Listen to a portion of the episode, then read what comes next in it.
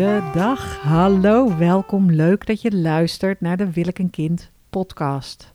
De podcast voor mensen die twijfelen aan het moederschap of het vaderschap. Mijn naam is Evelien de Jong en vandaag wil ik je uh, meenemen in een iets wat filosofische verhandeling over de, het karakter van de vraag: wil ik een kind of niet? Deze vraag, wil ik wel of niet moeder of vader worden, is namelijk een belangrijke, grote levensvraag. En het is nog sterker gezegd, het is een levensveranderende vraag. Ik merk dat ik helemaal uit enthousiasme bijna niet uit mijn woorden kan komen. Maar het is een levensveranderende keuze die je maakt. En dat maakt het ook zo lastig, want je verandert onherroepelijk door te kiezen of voor wel een kind of voor een leven zonder kind. En omdat je verandert, kan je huidige zelf onmogelijk weten hoe je toekomstige zelf deze keuze zal beoordelen, hoe die dat gaat ervaren. Dus je maakt een keuze voor iemand die je nog niet kent, voor een toekomstige variant van jezelf die voor jou nog onbekend is. En dat maakt het heel lastig. Ik heb hier al eerder podcasts over gemaakt. En uh, van iemand met wie ik werk uh, in een vervolgtraject van het Kinderwenskompas. Hoef je verder niet naar op zoek te gaan, staat niet op de site. is een geheim, geheim, genootschap. Een geheim genootschap. Zij tipte mij uh, de denker des vaders Lans, Paul van Tongeren. En hij, die heeft een lezing gegeven over levensveranderende keuzes. En hij zegt er zijn in principe twee soorten keuzes in een mensenleven: de pindakaaskeuze en de levensveranderende keuze. En de pindakaaskeuze is natuurlijk als ik zeg: kun je even een boodschap voor me doen? Neem een pot pindakaas mee. Dan sta je in het schap en dan denk je: oh, hmm, welke pot pindakaas? Met nootjes, zonder nootjes, met palmvet, zonder palmvet, uh, biologisch, met suiker, zonder suiker welke zal ik nemen? En dan doe je gewoon maar wat. Of je app nog even. Maar als je me niet te pakken krijgt, dan pak je een pot en dan neem je hem mee. En dan is het de goede pot, eet ik hem op. Is het de verkeerde pot, dan geef ik hem weg. Of uh, nou, eet ik hem toch op, want ik kan heel moeilijk eten weggooien. Maar die keuze is niet, je hoeft er niet heel lang over na te denken. Er hangt niks van af. Dat zijn op dagelijkse basis kies je heel veel, maak je heel veel van dat soort keuzes continu doorlopend een levensveranderende keuze, een levensvraag, heeft een heel ander karakter.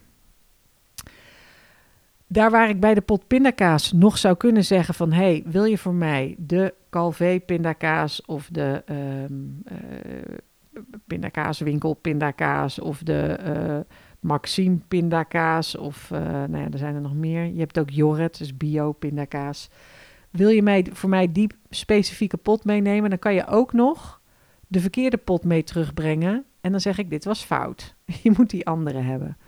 Maar bij een levensveranderende keuze is er geen goed of fout. Is er niet een heel duidelijke uitkomst. En dan kun je denken aan bijvoorbeeld je studie, wat je gaat studeren.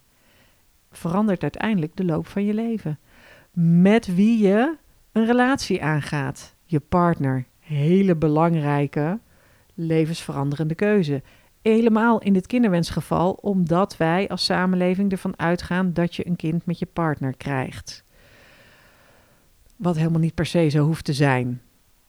Maar uh, woonplaatskeuze, waar ga ik wonen, hoe ga ik wonen, je studie, je partner, al dat soort keuzes, waarbij er eigenlijk niet een goed of een fout is en waarbij je van tevoren niet helemaal kan zeggen: dit is wat ik wil of dat is wat ik wil die keuzes zijn dus heel lastig om te maken, omdat je niet weet wie je toekomstige zelf zal zijn als die keuze eenmaal gemaakt is. En dat is eigenlijk ook wat Paul van Tongeren in die lezing, ik zal de link hieronder zetten. Hij zegt, we, we hebben het tegenwoordig over keuzestress. Eigenlijk vanuit een heel positief iets, namelijk dat er zo'n enorme veelheid is om uit te kiezen.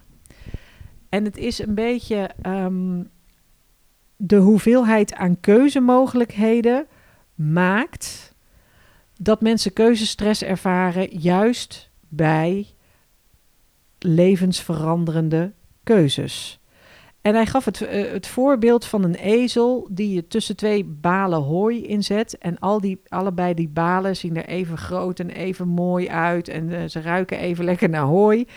En die ezel zegt hij zal uiteindelijk sterven van de honger. Omdat hij stil blijft staan tussen de twee in en niet kan kiezen waar hij van ehm, wil eten. Dus hij zegt als je even hard naar links of naar rechts getrokken wordt, dan maakt dat dat je stilstaat.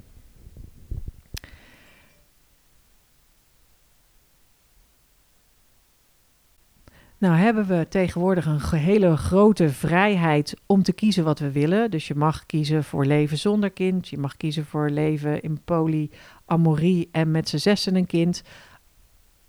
De vrijheid en de keuze is reuze. Die zijn enorm groot. Maar dat is nog wat anders dan autonomie. Autonomie wil zeggen dat je ook zelf kan kiezen. En hoe doe je dat dan? En een vraag die ook veel mensen mij stellen is van... Hè, hoe weet ik wat mijn keuze is en wat er vanaf mijn omgeving komt? Of wil ik geen kind omdat ik zelf geen kind wil? Of wil ik geen kind omdat mijn partner wil dat ik geen kind wil? Uh, dat zijn ook allemaal hele relevante vragen. Daar gaat niet deze podcast over, wellicht een volgende podcast. Maar deze podcast gaat over de existentiële keuze. Een keuze die jou transformeert.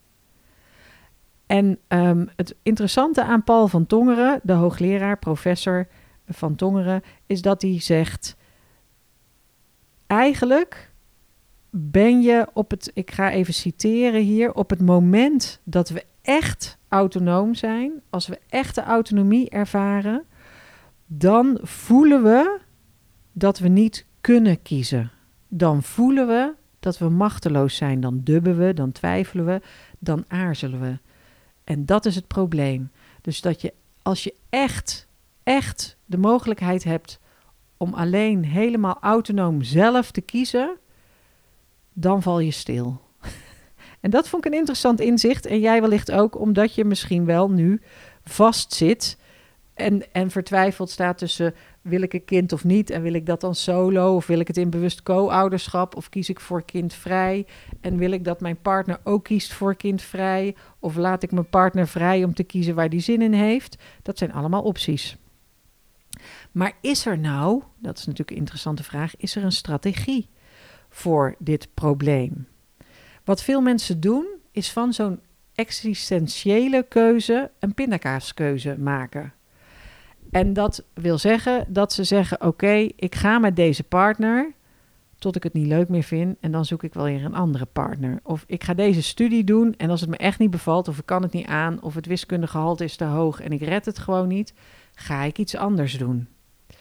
Ik zal dit proberen, maar als het niet bevalt, dan pas ik de exit-strategie toe. Dus wat hij zegt, hij zegt wat wij doen is zo'n levensveranderende keuze eigenlijk downsizen of nuanceren door er een exit-strategie aan vast te hangen die eigenlijk niet hoort bij die keuze. Want als je zo'n keuze maakt, en dat ervaar ik nu zelf aan den lijve, dan kun je niet heel makkelijk meer terug.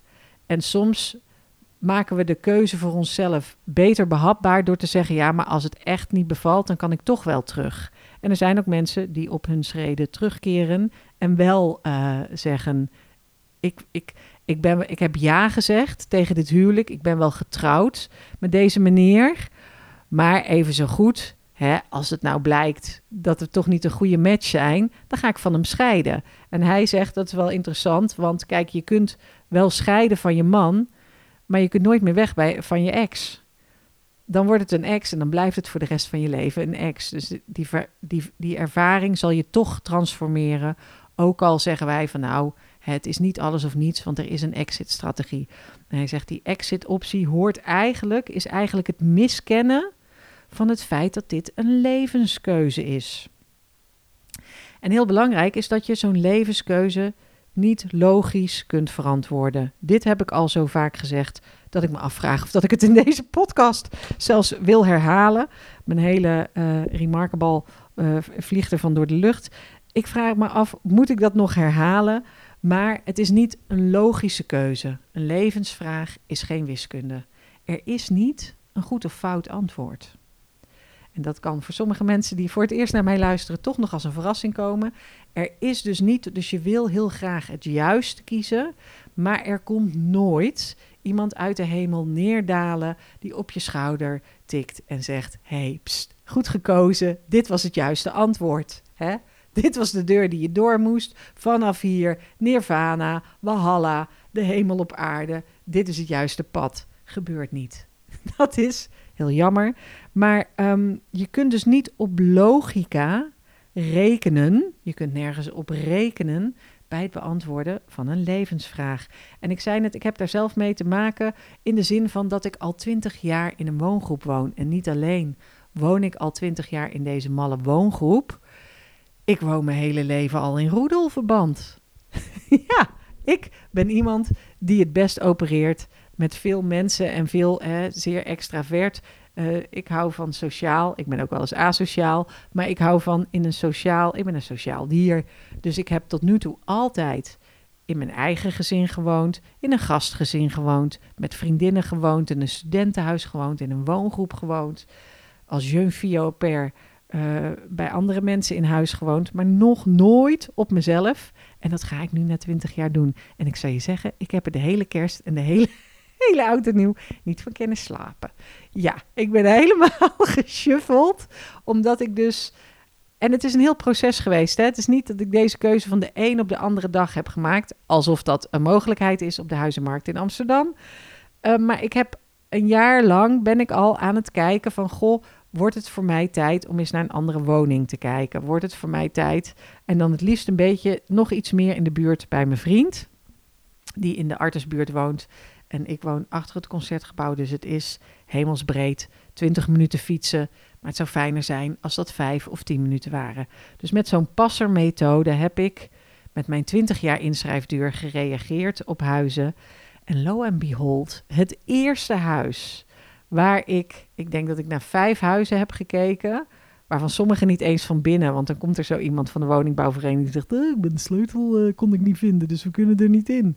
Terwijl je moet op de dag dat ze zeggen, dus ze zeggen een dag van tevoren, je moet, je moet overmorgen om tien uur daar staan en er valt dan verder niks aan te doen. Je kan niet een ander tijdstip kiezen of zo. Nou ja, goed, het is allemaal heel typisch hoe dat gaat in de sociale woningbouw. Maar dit is een woning, ik kwam er kijken. Ik was vergeten dat ik erop gereageerd had, want toen ik reageerde stond ik nummer 50 of zo. Maar 49 mensen voor mij zeiden nee.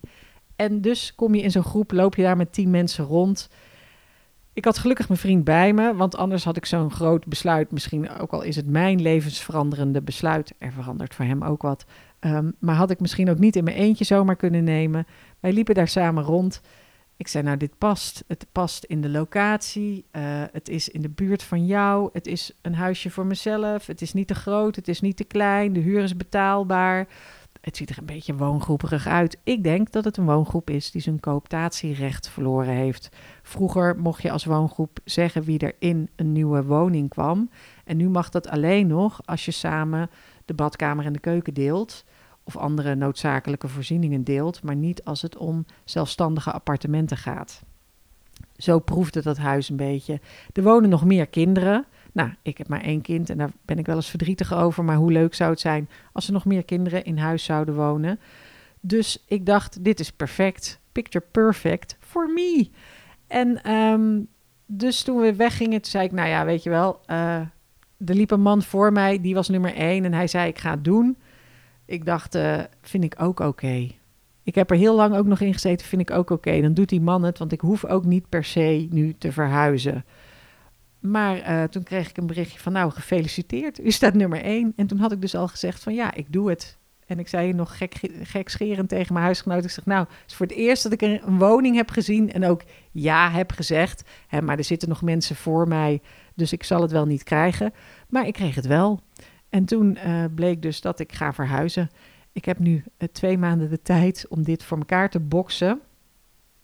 En het is een lang proces geweest daar naartoe. Maar ik heb er een paar nachten niet van kunnen slapen. En dat is omdat het zo'n grote levenskeuze is. En natuurlijk, ik kan wel tegen mezelf zeggen: als het me daar niet bevalt, stel nou dat die bovenburen de hel zijn of de onderburen of die wijk wordt onder de voet gelopen door junks of toeristen of wat dan ook.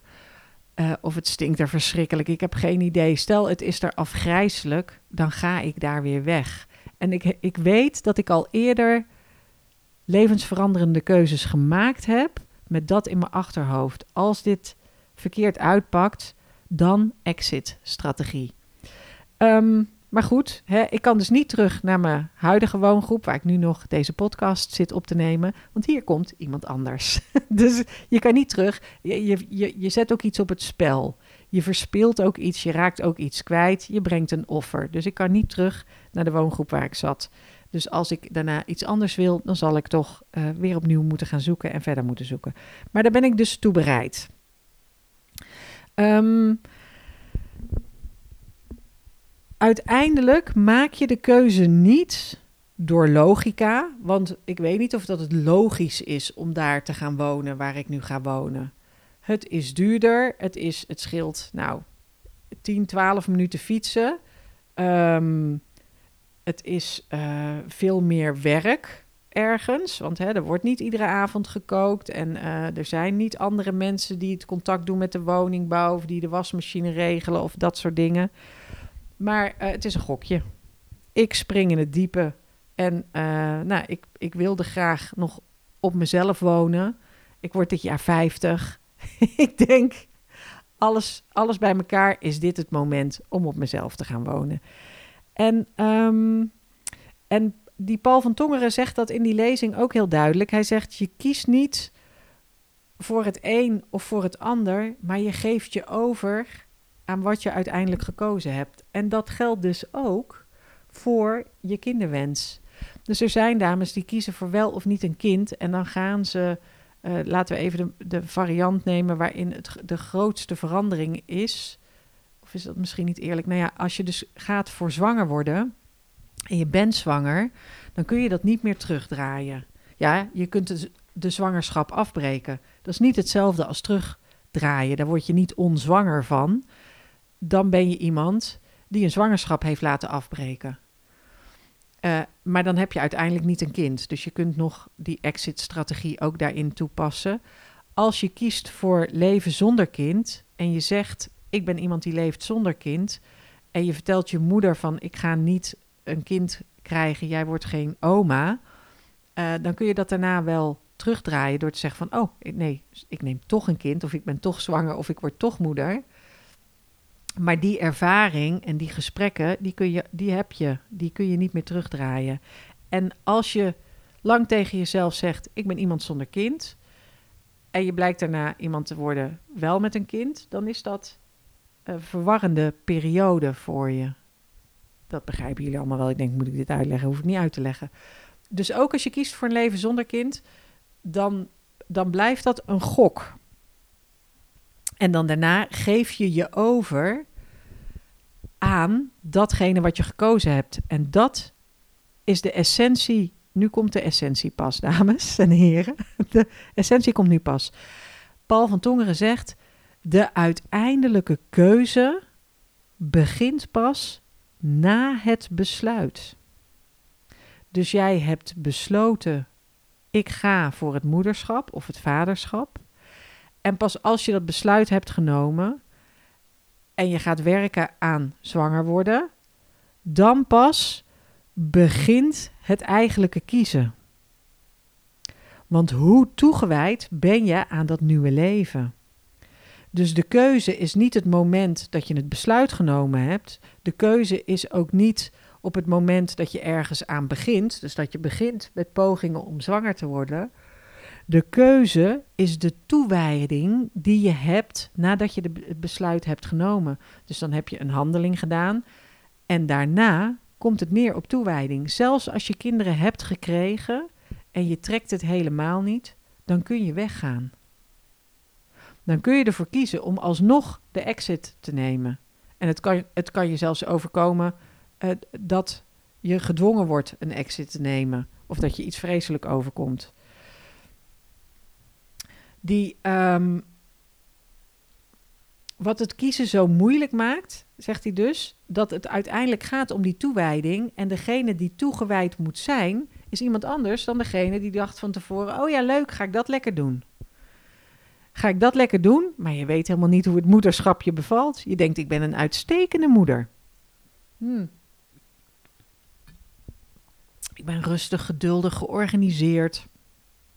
Ik, uh, ik heb een opgeruimd huis. Ik zit er financieel warmpjes bij. Ik heb veel ruimte. Kom maar door. Ik hou van kleine kinderen. En, maar als je dan een kind hebt, kan het best zijn dat je denkt van... Hè? Die baby verneukt mijn hele slaapritme. Ik trek dit absoluut niet. Je weet niet wie je bent, wie je zult zijn na de beslissing. En die essentiële keuzes, dus of dat nou gaat om een studie of zoals ik, waar ik mee zit met mijn woning, die bestaan dus uit gradaties.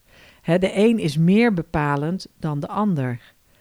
Maar het, als je echt een keuzemoment hebt, echt zelf kunt kiezen, persoonlijk die keuze kunt maken, die dus niet logisch hoeft te zijn of rationeel, die niet goed of fout is, maar alleen maar persoonlijk, dus niet buiten jezelf, dan word je bevangen door twijfel. Dan is dat dus een echte autonome keuze. En dat betekent ergens, zegt professor Van Tongeren, dat je machteloos bent. Omdat je onmogelijk kunt zien wat de toekomst kan brengen. Omdat je onmogelijk kunt zien hoe jij in de toekomst zult reageren op het leven wat er dan is ontstaan door die transformatie. En dan komt het aan op werken, op toewijding, op trouw blijven aan die keuze. En ehm, dat is dus waarom die zegt: Nou, je kan wel scheiden van je partner, hè, maar je komt nooit meer af van je ex. Je kunt de zwangerschap wel afbreken, maar dan ben je iemand die ooit, dat hoef je niet aan de grote klok te hangen, maar die ooit een zwangerschap heeft afgebroken. Dus die exit-strategie, ook al kun je er nog uit, die exit-strategie gaat niet helemaal op. En de twijfel zit er maar ook in dat je de keuze puur voor jezelf moet maken, of moet je ook rekening houden met anderen? En dat laatste is natuurlijk altijd deels het geval. Zelfs als het gaat om je woning, hou ik rekening met mijn vriend en mijn dochter en de school van mijn dochter. Hens de passermethode. Ik hou rekening, ik heb rekening zelfs nog gehouden van, hè, kunnen mijn ouders hier naar boven? Nou, de trappen hebben wel twee leuningen, maar het is vervelend genoeg op de derde verdieping. Dus ze zullen niet de deur plat lopen. Of misschien heb ik er rekening mee gehouden en zullen ze niet de deur plat lopen? Nee, ik heb lang gedacht van het moet op de begane grond zijn, want ik wil dat mijn ouders op bezoek kunnen komen. Maar nu merk ik dat ze tegen de 80 uh, eh, lopen en dat ze die, die tripjes naar Amsterdam uh, ook minder frequent maken. Dus om daar nou de hele huizen situatie van af te laten hangen. Maar je houdt dus altijd rekening met de ander. En voor die kinderwens geldt de hele samenleving is erop gericht dat jij dit samen met een ander doet. En niet zomaar ander, een ander, een willekeurige ander, maar je significante ander. De liefde van je leven, de ware. Daar doe je dat samen mee en jullie zitten samen op één lijn en alles verloopt vlekkeloos. Dat is het metaverhaal. Dat, in de, dat is het romantische ideaal dat iedereen je voorhoudt. En als je het anders wil dan dat, dan heb je dus, word je toch beïnvloed door wat je partner wel of niet wil. En je wordt beïnvloed door wat de samenleving daar wel of niet van denkt. En uh, professor Van Tongeren noemt het heel, vind ik heel toepasselijk, is hij zegt, je laat je vallen in de keus. Je laat je gewoon vallen. Nou, daar kan ik wel wat mee. Als, dat, als, dit, als, die, als dit je lukt, is dat ook ehm, is dat ook wat je kunt doen. Dus wat ik nu probeerde te doen, is mezelf te laten vallen in de keuze voor mijn nieuwe woning. Maar er moet ook nog een shitload of shit. Uh, ik merk dat ik een beetje begin te vloeken omdat ik eh, daar gestrest over ben. Gebeuren. Maar je laat je vallen in de keuze. Ik heb ja gezegd op die woning. Dus toen ik hoorde dat ik hem kreeg, werd ik gefeliciteerd. En toen zei ik, nou, ik weet nog niet of dat dit nou zo leuk is. Want nu moet ik gaan verhuizen. Heb ik helemaal geen zin in, in verhuizen. Ik heb geen zin in alles in dozen en dingen en er en weer rijden en sjouwen en mijn internet omzetten. Mijn vriend zei, waar lig je nou toch wakker van? Wat lig je nou van te stressen? Ik zeg, ja, nou, dat ik een internetaansluiting moet, dat vind ik erg. Dat vind ik, dat schept stress. Maar hij zegt, je laat je vallen in die keuze. Ik heb de keuze gemaakt, ik heb ja gezegd. En nu laat ik me vallen in dit nieuwe adres. Ik vraag die internetaansluiting aan en er volgen verplichtingen. Er volgen verplichtingen. En, en daarna, als je dat aan het doen bent, hè, dus nu was ik met mijn zusje ook even kijken en die zei ook van nou en het is leuk en dit en dat en oh, prachtig uitzicht, fenomenaal uitzicht. Het is echt heel erg in het centrum van Amsterdam. Als je Amsterdam ziet en je hebt zeg maar de grachten zijn zo'n spinnenweb.